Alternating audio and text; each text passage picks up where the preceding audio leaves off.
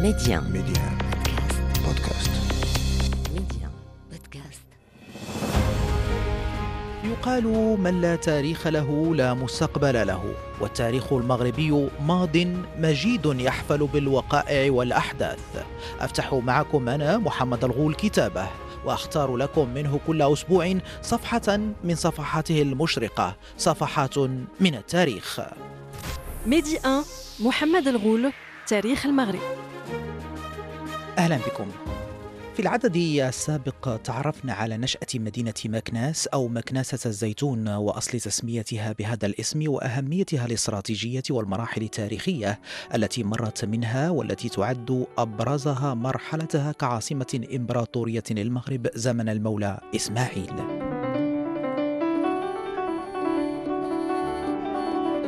هذه المرحلة التي ميزت المدينة عمرانيا بشكل لافت حتى زمننا المعاصر الحاضر وجعلتها موطن عدد من المواقع التاريخية. أهلت المدينة لتكون حاضرة على قائمة التراث الإنساني العالمي. ومن بين أبرز هذه المعالم معلمة باب المنصور أو باب منصور العلج الواقع بساحة الهديم شرق المدينة القديمة وهو الباب الذي تحول إلى واحد من رموز عراقة التاريخ المغربي. الغربي بزخارفه ونقوشه وهو من بين أضخم الأبواب عبر كل حواضر العالم ضمن سلسلة من الأبواب التي تميز أسوار المدينة القديمة لمكناس والتي تبلغ عشرين بابا. هذا الباب الذي أمر ببنائه السلطان المولى إسماعيل أواخر القرن السابع عشر لكنه توفي قبل أن تنتهي الأشغال به وأكمل بناءه ابنه السلطان المولى عبد الله وانتهت أعمال البناء العام 1732 للميلاد ليزين الأسوار الضخمة التي بناها السلطان المولى إسماعيل حول المدينة والتي قدر طولها بحوالي 47 كيلومتراً.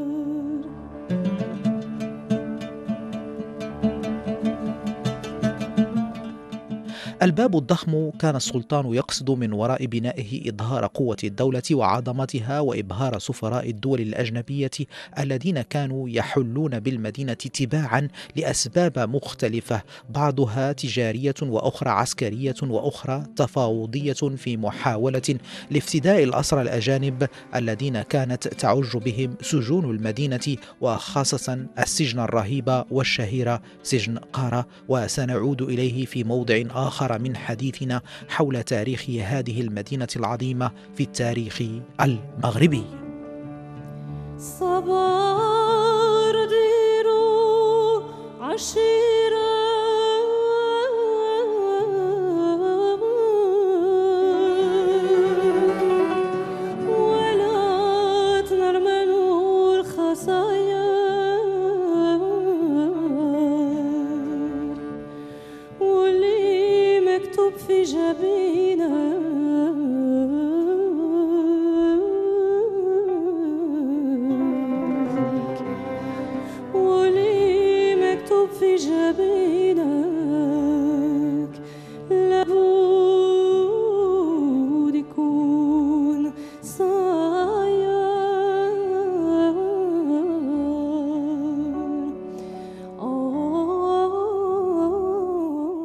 الباب الضخم باب منصور والذي لم يتغير كثيرا منذ انتهاء الأشغال به تمتد أمامه ساحة الهديم التي تعود تسميتها إلى عملية هدم قام بها السلطان إسماعيل حتى يتسع المكان كفناء لتجميع جيوشه واستعراضها قبل الانطلاق في حملاته العسكرية الكثيرة والتي تعد نموذجا مستنسخا من ساحة جامع الفناء بمدينة مراكش.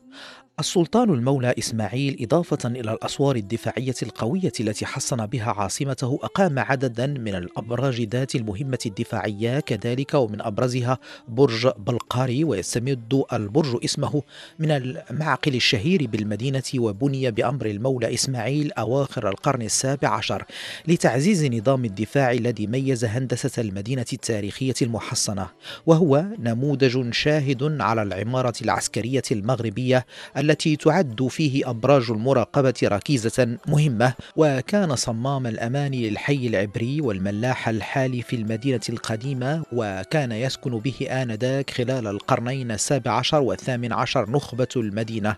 البرج صنف ضمن المآثر التاريخية بالظهير الصادر في الثامن عشر أكتوبر العام 1914 والذي صنف أبواب وأسوار مدينة مكناس.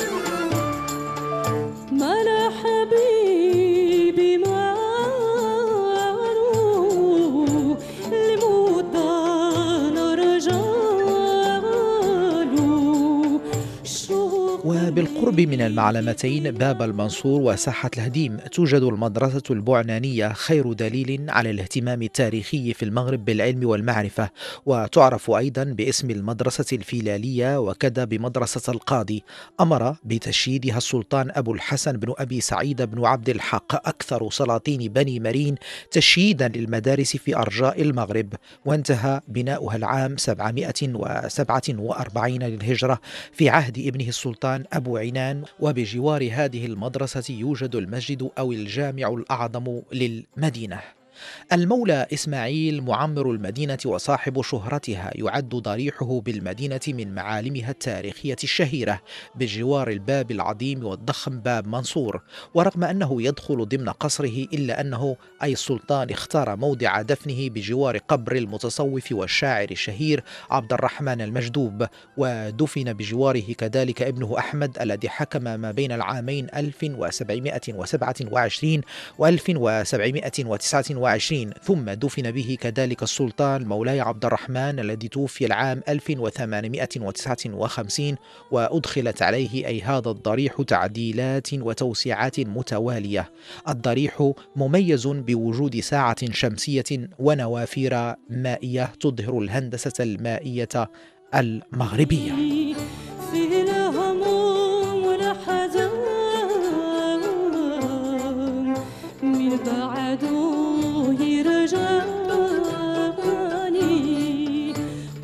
واحدة من الآثار والمواقع التاريخية التي تجعل من تاريخ مدينة مكناس متميزا حتى على باقي العواصم الإمبراطورية في التاريخ المغربي. نجد سجن قارة كما تسميه ساكنة مكناس. هذه المعلمة التي امتزج فيها التاريخ بالأسطورة حتى ما عاد ممكنا فصل الواحدة على الأخرى. المؤرخون يرون بأنه جزء من استلهام السلطان المولى إسماعيل للمعمار الباريسي. السجن هو هو استنساخ للسجن الفرنسي الشهير لاباستيل وهو ما كان يدخل ضمن سياسة السلطان المولى إسماعيل في إرهاب الأعداء والأصدقاء على حد سواء بإظهار القوة والقدرة والعظمة والفخامة حيث جعل من عاصمته مكناس عظيمة في كل شيء ومعالمها ضخمة ابتداء من أسوارها وأبوابها وساحاتها ومساجدها ومدارسها ونهاية بسجنها. هذا السجن كان يضم الآلاف من السجناء من مختلف الجنسيات خاصة منهم نتاج عمليات الجهاد البحري أو ما سماه الأوروبيون بال قرصنة. هذا السجن الرهيب التحت أرضي يتوسط القصبة الإسماعيلية واستعان السلطان المولى إسماعيل في بنائه حسب ما جاء في كتاب مكناس جولة في التاريخ والمعالم للأستاذ مصطفى بن فايدة بأحد الأسرى النصرانيين وهو مهندس برتغالي يدعى قارة. ومن هنا اسم السجن حتى يومنا هذا. في مقابل إطلاق سراحه. وهناك روايات أخرى تتحدث عن أن السجن كان مخزنا وسردابا ومطمورة. وهناك من القصص التي تقول بأن السجن لا حدود له وأنه بني على كهف جبلي ممتد تحت المدينة حتى خارجها حتى جبل زرهون وما بعده. وحوله يقول المؤرخ عبد الرحمن بن زيدان في مؤلفه إتحاف أعلام الناس بجمال أخبار حاضرة مكناس أن بنيانه محكم محكم للغاية إذ تمر فوقه الركبان وتجر الدواب عليه الصخور العظيمة وتسير السيارات البخارية المشحونة بالأثقال ذات البال آناء الليل وأطراف النهار بل جعلت فوقه جنات ذات أشجار ويقول وصارت تسقى بالماء كل آونة فلم يؤثر عليه شيء مما ذكر.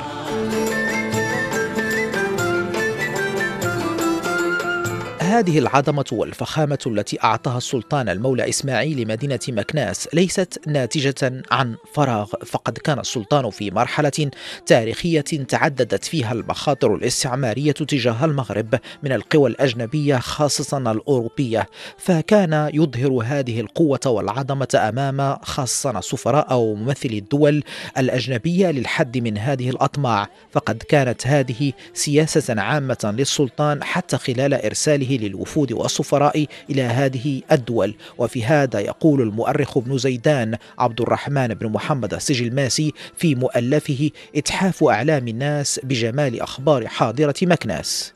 وحيث رأى أن هذا الأمر لا يتم إلا بفتح المخابرة مع الدول ذات الأكثرية في المصالح التجارية اذ ذاك بالمغرب مثل فرنسا وإنجلترا وإيطاليا وبلجيكا.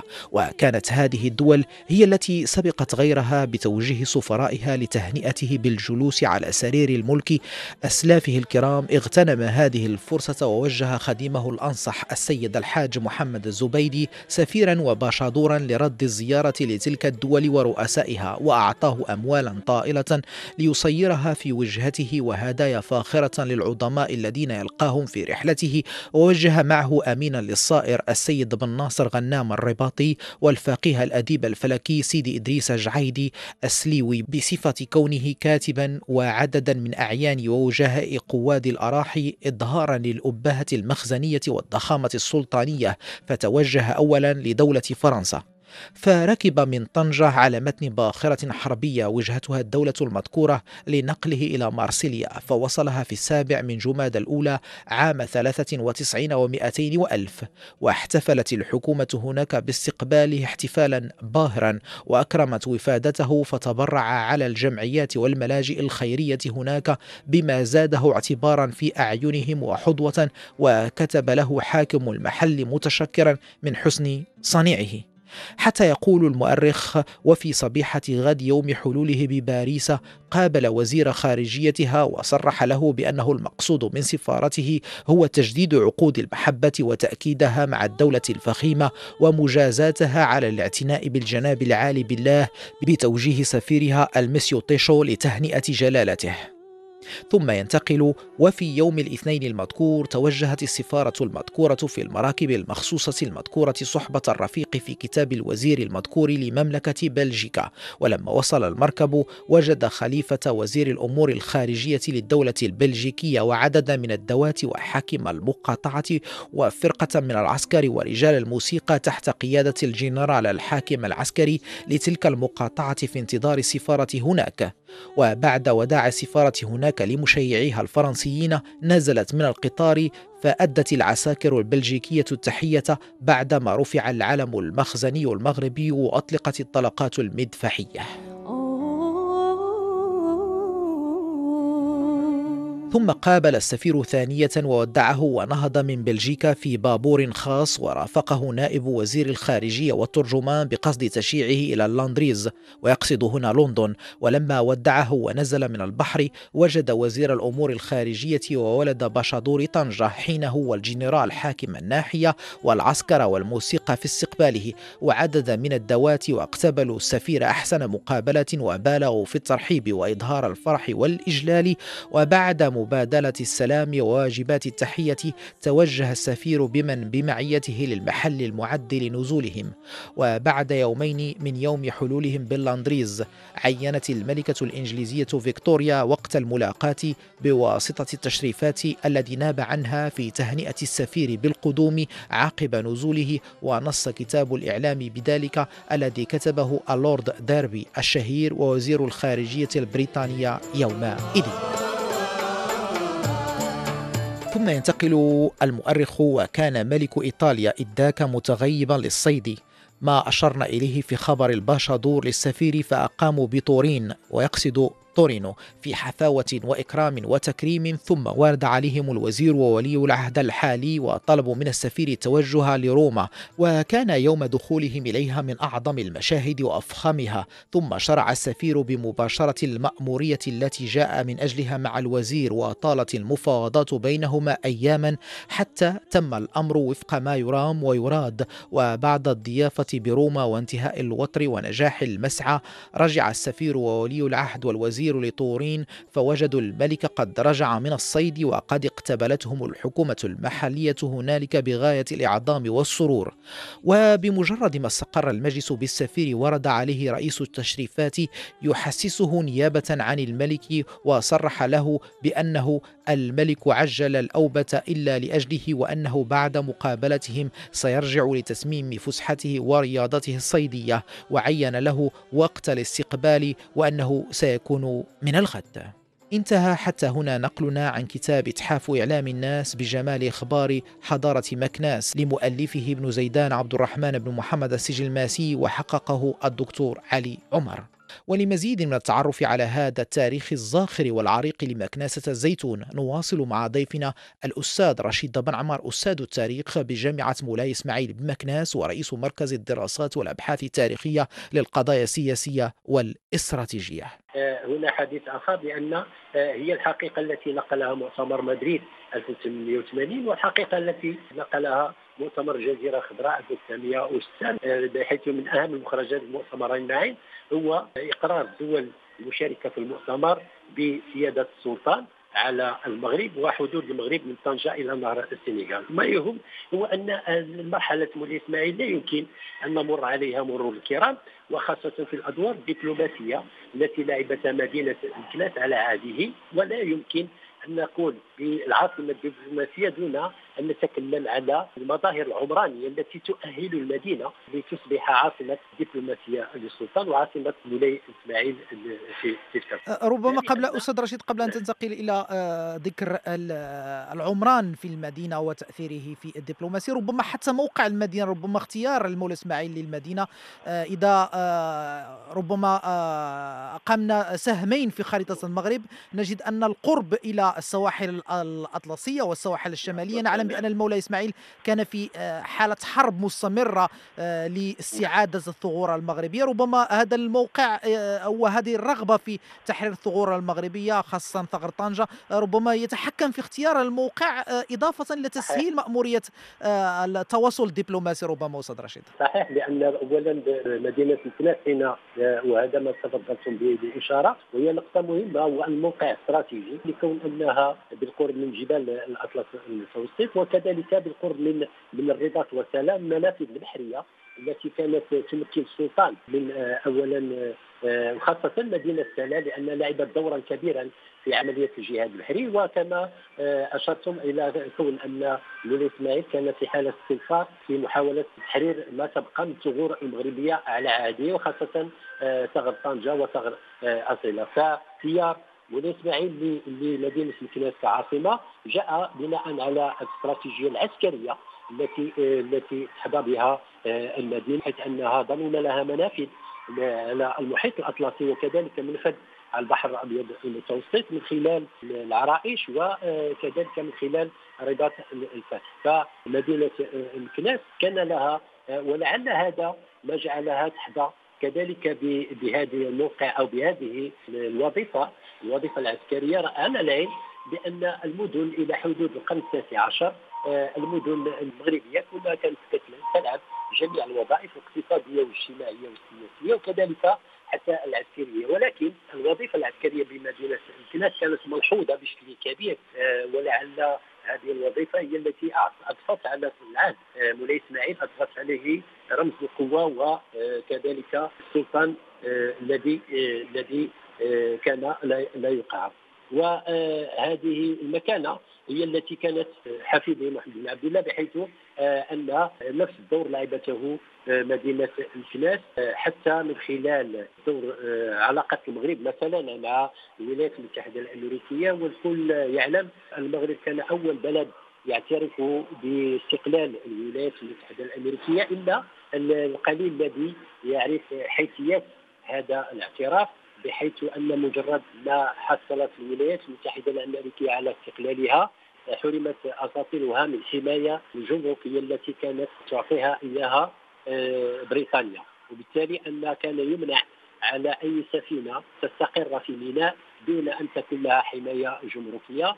ولعل السلطان محمد بن عبد الله قد بادر آه، حين تنكرت بريطانيا إلى حماية السفن الأمريكية. بادر السلطان إلى اعطائهم هذه الحماية. وبالتالي آه، كانت هناك آه، وثيقة الاعتراف باستقلال الولايات المتحدة الأمريكية التي تم إنباؤها في الدار البيضاء التي هي داخل القصر الملكي في مدينة مكناس هذا هذه شذرات يمكن أن نذكر بها الأهمية والقيمة الدبلوماسية والعسكرية التي كانت تحظى بها مدينة مكناس ولعل كما أشرتم إلى ذلك أن آه، مولاي إسماعيل في اختياره مدينة مكناس كان مطلعا كان مطلعا على المهام التي كانت تنتظر المغرب في تلك الفترة والمهام التي كانت تنتظر السلطان ليس فقط في عملية تحرير الثغور المغربية ما تبقى من الثغور المغربية بل أكثر من ذلك في كون أن كانت هناك تحولات جيوسياسية آه، عرفت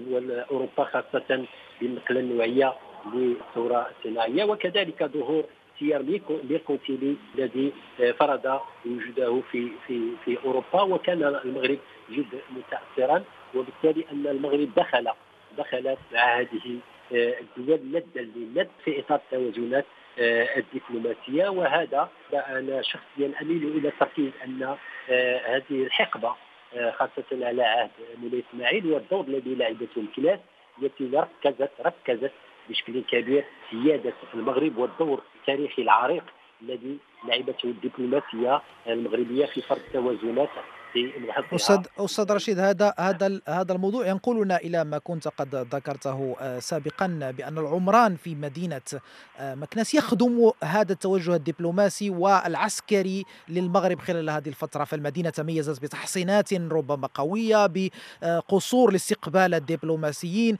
آه، ماذا يمكن أن نقول بخصوص هذا التوجه العمراني الذي يخدم هذه الأهداف أستاذ رشيد؟ نعم هو التوجه العمراني هو هو من باب تحصيل الحاصل. لأن آه، كانت الدولة المرابطية آه، جد حريصة على أساس أنها تعمل ولا تحسين المدن الكبرى بأسوار أسوار عالية وهذه الأسوار كانت تتخللها آه، أبواب. وبالتالي أن حين نذكر أبواب مدينة الكناس لا يمكن غض النظر على أسماء هذه الأبواب. وهي باب البريادعين. ولاحظ معي أن بالنسبة لأسماء الأبواب هي أسماء للاحياء التي تعتبر هذه الأبواب مدخل إليها. باب المرد بعيد على سبيل المثال وهو آه، الذي كان في شمال القلعه وكذلك باب الدرودوره في شمال الشرقي وباب القرجه في شرقها وباب القلعة في جنوبها الشرقي وباب عيسى في جنوبها ثم باب المشاور في جنوبها الغربي. اذا بعبارة أوضح أن الأسوار كانت تحيط بمدينة مكناس ككل وكانت لها ست آه، أبواب وهي كانت منافذ. إذا فالمدينة كانت محصنة على عهد المرابطين وتم تعزيز هذه المكانة على عهد مولاي إسماعيل الذي عمل على على إعادة الاعتبار لهذه لهذه الأسوار وعمل على تقويتها آه، كذلك. ولعبت هذه الأسوار دورا كبيرا في تحسين المدينة. اذا شيء طبيعي بأن التأهب للحرب كان من البوادر الأولى وسماته الأولى هو آه، تحسين آه، المكان أو إقامة العاصمة إقامة آه، السلطان. ولم يكن فقط الأبواب هي التي التي اعتمدها مولاي إسماعيل في عمليه التحسين فذكرت كذلك التهريج التهريج السواني والتهريج السواني كان الغرض منه هو تأمين المدينة من أي محاصرة. منتظره مثلا من جانب الماء وكذلك كان بجانب جانبها آه، مركز للحبوب. اذا آه، نوري إسماعيل كان رجل استراتيجيات حرب وكان آه، أول ما بدأ بتحصينه هي المدينة العاصمة مدينة مكناس وبعد ذلك انطلق إلى مجموعة من المدن الأخرى التي حصنها وكذلك إلى إنشاء القصبات. القصبات لأنه حين نتكلم على مولاي إسماعيل نتكلم على آه، كيف تعامل مع هجرة الجنوب إلى الشمال وإنشاء مجموعة من القصبات التي آه، تمر إلى مدينة مكناس. والغرض منها هو الحد من الهجره الجنوب إلى الشمال. ولا أدخل في تفاصيل أسباب هذه الهجرة ولكن ما يهمنا هو أنه هذه القصبات نجدها بشكل كبير في أحواز مدينة مكناس. وهذا إن دل على شيء فإنما يدل على أساس أن الهاجس الذي كان عند مولاي إسماعيل في محاولة الحفاظ على مدينة آه، مكناس آه، كعاصمة وكذلك آه، كمدينة وحضيرة لها خصوصيتها. قد تتلاقى وتتشابه مع خصوصيات مدينة فاس ولكن هي تختلف كذلك لأن كل سلطان كان له ما يميزه في في الجانب العمراني. الأستاذ رشيد بن عمر أستاذ التاريخ بجامعة مولاي إسماعيل بمكناس ورئيس مركز الدراسات والأبحاث التاريخية للقضايا السياسية والاستراتيجية شكرا جزيلا لك على مشاركتك القيمة هذه ونواصل معك في العدد المقبل. متابعينا أذكركم أنه يمكنكم الاستماع وإعادة الاستماع لكل الأعداد السابقة من تاريخ المغرب عبر تحميل تطبيق ميدي 1 بودكاست. إلى اللقاء. ميدي 1 محمد الغول تاريخ المغرب.